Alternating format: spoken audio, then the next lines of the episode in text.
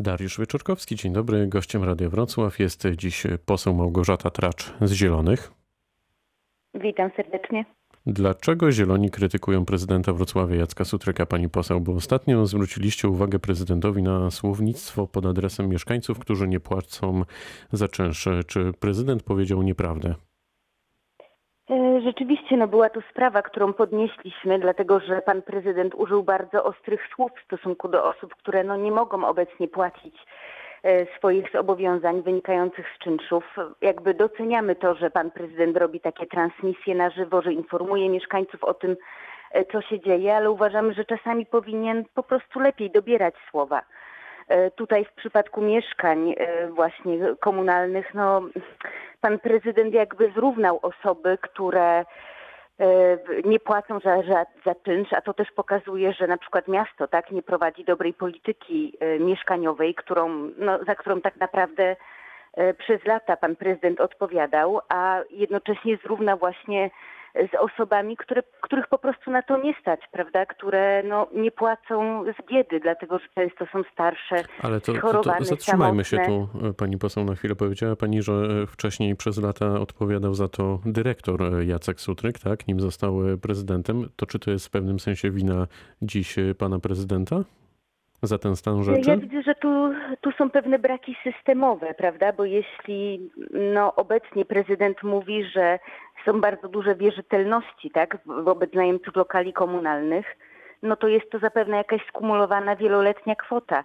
I to pokazuje pewne takie dziury tej polityce społecznej we Wrocławiu, czyli no, na przykład nieumiejętność egzekwowania zobowiązań, a z drugiej strony niedostateczna pomoc dla osób, które e, po prostu w tych lokalach mieszkają i które z powodu biedy e, nie mogą płacić. Wydaje nam się, ma... że mhm. nazywanie, nazywanie prawda, osób w trudnej sytuacji życiowej oszustami no, nie do końca jest prawdziwe i jest po prostu dla tych osób krzywdzące. A czy ma Pani My informację właśnie, taką... ile osób e, nie płaci, bo nie może, a ile osób nie płaci, bo po prostu jest im wygodnie nie płacić? Macie takie dane?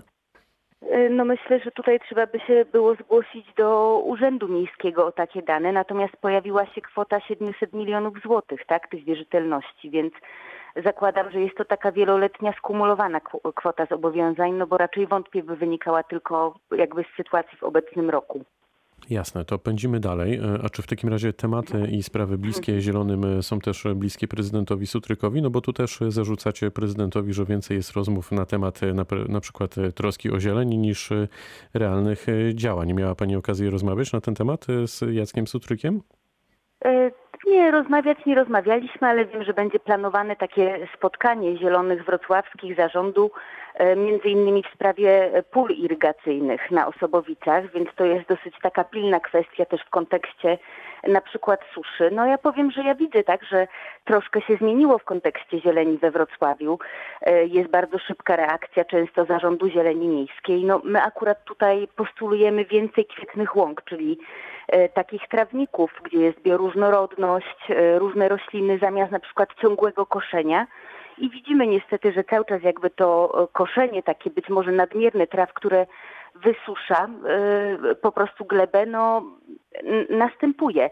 Natomiast pozytywnie oceniam na przykład program e, dotyczący zbiorników na deszczówkę, prawda, że miasto będzie finansowało, e, finansowało, dofinansowywało e, właśnie tak zwaną małą, małą retencję. No wiele rzeczy idzie w dobrym kierunku, ale wydaje mi się, że powinno w jeszcze lepszym kierunku iść więcej, więcej działań i tak jakby dopiero, gdy te efekty będą widoczne, to można się nimi chwalić. No ostatnio prezydent Sutryk nie ma u was lekko, bo też wskazujecie na przykład brak talonów na sterylizację kotów jako zieloni. Czy coś się ostatnio zmieniło w tej sprawie? Jesteśmy rzeczywiście, no, dbamy bardzo o zwierzęta i mamy we Wrocławiu problem, no tak zresztą jak w innych miastach, prawda, że bardzo dużo jest e, zwierząt wolno żyjących. E, ludzie często się nimi opiekują, a jakby jednym z rozwiązań na to jest po prostu sterylizacja tych zwierząt, więc tutaj e, mocno e, widzimy dobrą wolę ze strony też, e, też schroniska, żeby taką sterylizację przeprowadzać. No dobrze. I, i myślę, Mhm. że no krok po kroczku będą, będą te kolejne e, rzeczy, które zieloni podnoszą, ważne w polityce miejskiej realizowane. Będziemy się e, przyglądać. E, Zostawiamy Wrocław. E, Bliżej jest e, pani poseł e, lub było w zasadzie e, pani do marszałek Kidawy-Błońskiej, czy bliżej jest pani do Rafała Trzaskowskiego? Ja bardzo szanuję panią marszałek Kidawę Błońską za to, jaką jest e, rozważną osobą, za to, za to jak walczyła, by w maju nie odbyły się wybory, które nie byłyby ani demokratyczne, ani bezpieczne, więc darzę ją ogromnym szacunkiem, a jednocześnie dużą sympatią darzę e, prezydenta Trzaskowskiego, którego polityka miejska, między innymi prowadzona w Warszawie, e, no jest dosyć bliska postulatom zielonym, prawda? Bo tam na przykład powołał pełnomocniczkę do spraw kobiet, e, stworzył system dla ofiar przemocy, też e, zakup e, autobusów elektrycznych, bezpłatne gabinety ginekologiczne, więc no, objęcie na przykład patronatem Parady Równości, prawda, jako pierwszy prezydent e, Warszawy i jeden z pierwszych prezydentów w Polsce, no to są na pewno postulaty bliskie zielonym. E, Widzę też, że kandydatura e, pana prezydenta Trzaskowskiego wzbudziła bardzo dużo pozytywnych emocji. E, No, na Facebooku pączkują różne takie grupy, grupy poparcia. Wiele osób pyta mnie także, prawda, jak będzie ta kampania, że trzymają kciuki, liczą na zwycięstwo. No i mam nadzieję, że, że tak będzie. Wymieniła Zieloni pani. jeszcze są Mhm. przed decyzją o poparciu, bo będziemy o tym dyskutować w niedzielę na naszej Radzie Krajowej, ale tutaj rekomendujemy jako zarząd krajowy, by, e, by kandydaturę prezydenta Trzaskowskiego poważnie rozważyć. Wymieniła Pani e, kierunki, które wyznaczył Rafał Trzaskowski jako prezydent e, Warszawy. A który punkt programu Rafała Trzaskowskiego jest Pani najbliższy? To znaczy, co decyduje o Pani poparciu konkretnie dla Rafała Trzaskowskiego? E, No wiemy, że Rafał e, Trzaskowski też dużą wagę przywiązuje do kwestii kryzysu klimatycznego e, oraz Zielonego Ładu. On w Unii Miast jest na przykład referendem do spraw Zielonego Ładu i wiemy, że te bieżące problemy wynikające innymi ze zmian klimatu, jak na przykład susza, no, będą jednymi z głównych tematów, któ- które będzie próbował w kampanii adresować, a potem rozwiązywać także jako prezydent Polski. Więc na pewno ta agenda ekologiczna, także agenda dotycząca praw człowieka, tak, praw kobiet, e, praw e, środowisk LGBT+, jest nam bardzo bliska. A czy Zieloni będą brać e, udział w zbieraniu podpisów e, dla Rafała Trzaskowskiego i czy zbieranie podpisów e, w tej chwili jest e, bezpieczne w Pani ocenie? E, To znaczy tak, no zieloni jeszcze są przed decyzją. Jeśli będziemy mieć decyzję naszego organu politycznego, czyli Rady Ale zakładam, Krajowej, że poprzecie popieramy Rafała Trzaskowskiego. Trzaskowskiego, to oczywiście będziemy chcieli angażować się w kampanię, a częścią kampanii jest także zbiórka podpisów. No wciąż czekamy, prawda, na ogłoszenie daty wyborów. E, Teraz projekt ustawy jest w Senacie, potem wróci do Sejmu i następnie czekamy na to, by marszałek e, Witek ogłosiła datę wyborów. E, No i będziemy próbowali, tak? Będziemy te podpisy zbierać. Na pewno jest tutaj ważna taka duża mobilizacja społeczna, ale widzę, że że ona już jakby no, jest bardzo taka, taka dynamiczna i, i kandydatura prezydenta Trzaskowskiego cieszy się dużym poparciem. A czy to bezpieczne? E, No, każdy z nas będzie próbował zbierać e, w swoim najbliższym gronie, prawda? Ale jest dużo osób, które naprawdę są zdeterminowane do tego, by pomóc. Na Dolnym Śląsku, ale to w sumie dotyczy całego kraju. Mieszkańcy mają problem e, z przemieszczaniem się po regionie, bo PKS-y tną e, połączenia. Pani interweniowała w tej sprawie. Czy coś się ruszyło?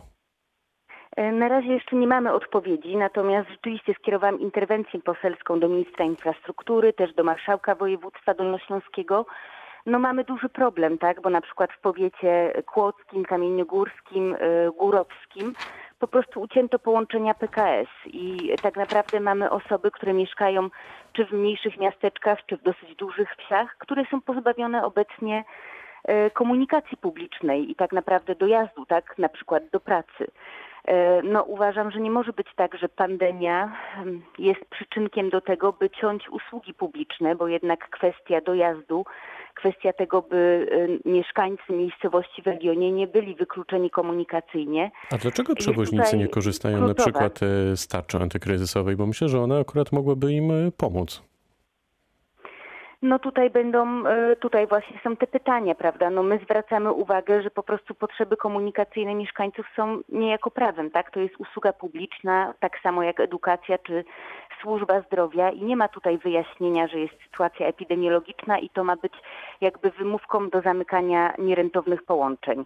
Tam część połączeń została jakby zawieszona do sierpnia 2020 roku. A nawet do A jednak września. musimy pamiętać, a nawet do września, o, a, a musimy pamiętać, że ludzie jednak no, wciąż chodzą do pracy, tak? Teraz mamy stopniowe odmrażanie gospodarki, znoszone są kolejne restrykcje, ludzie tym bardziej wracają, tak? Nawet jeśli e, wcześniej na przykład e, no, nie pracowali, bo zajmowali się dziećmi, które, e, które nie chodziły do szkoły e, albo po prostu firma no, zawiesiła przez jakiś czas swoją działalność, no to teraz muszą wracać. I e, ja się obawiam i stąd też była ta interwencja, że to jest po prostu taka wymówka, prawda, żeby całkowicie tę komunikację publiczną, ten transport publiczny wycofać, a jednak pamiętajmy, że no wiele osób z tego transportu korzysta i to jest podstawowe zadanie między innymi samorządu, żeby taki transport e, zapewnić. Pani poseł, to na koniec, bo mamy minutę. E, Czy pani zdaniem e, tegoroczna susza da nam mocno popalić? Czy ona już nam daje popalić? I czy macie jakiś pomysł na to, jak temu zaradzić? To znaczy, jak z tą suszą walczyć? Bo domyślam się, że koronawirus no, raczej nie pomaga. No, chyba tutaj nie ma też takiego większego wpływu, natomiast rzeczywiście no, mamy e, opinię ekspertów, że ta susza będzie. Już w tamtym roku wiele miast w Świętokrzyskiem, Łódzkiem było pozbawionych łodzi, a teraz prognozy są takie, że ponad jedna trzecia obszaru Polski będzie e, no jakby zmagała się z problemem suszy. Widzimy Biebrzański Park Narodowy, prawda, i ten pożar, który też był tego pokłosiem no na pewno musimy, e, ucierpią przede wszystkim ludzie, prawda, bo w momencie, kiedy susza uderzy w rolnictwo, to i ceny żywności będą większe. Uderzy w gałęzie przemysłu, które potrzebują wody do procesów technologicznych. Uderzy w produkcję energii, tak, gdzie, gdzie mamy elektrownie węglowe chłodzone wodą. No, my jako Zieloni rzeczywiście rekomendowalibyśmy tutaj rządowi taki szereg działań, przede wszystkim taką dogłębną analizę, diagnozę problemu suszy opracowaną przez ekspertów, no i przede wszystkim pewną taką systematyczność, tak? Nie można mówić, że się walczy z suszą, a jednocześnie otwierać nowych kopalni odkrywkowych, tak jak na przykład Złocze w, w już takim pustynniejącym e, w województwie łódzkim. Musimy Nie kończyć. można dawać nowych koncesji na kopalnie, prawda? I musimy dbać o dobry stan wód powierzchniowych, e, musimy takie tworzyć mechanizmy, na przykład udostępniania terenów zalewowych. No i Stawiamy kropkę, pani poseł. retencję miejską. Małgorzata Dobrze. Tracz, Partia Zieloni, gość rozmowy dnia dzisiejszy. Bardzo dziękuję. Dziękuję bardzo. Miłego dnia. Pytał Dariusz Wyczorkowski. Dobrego dnia.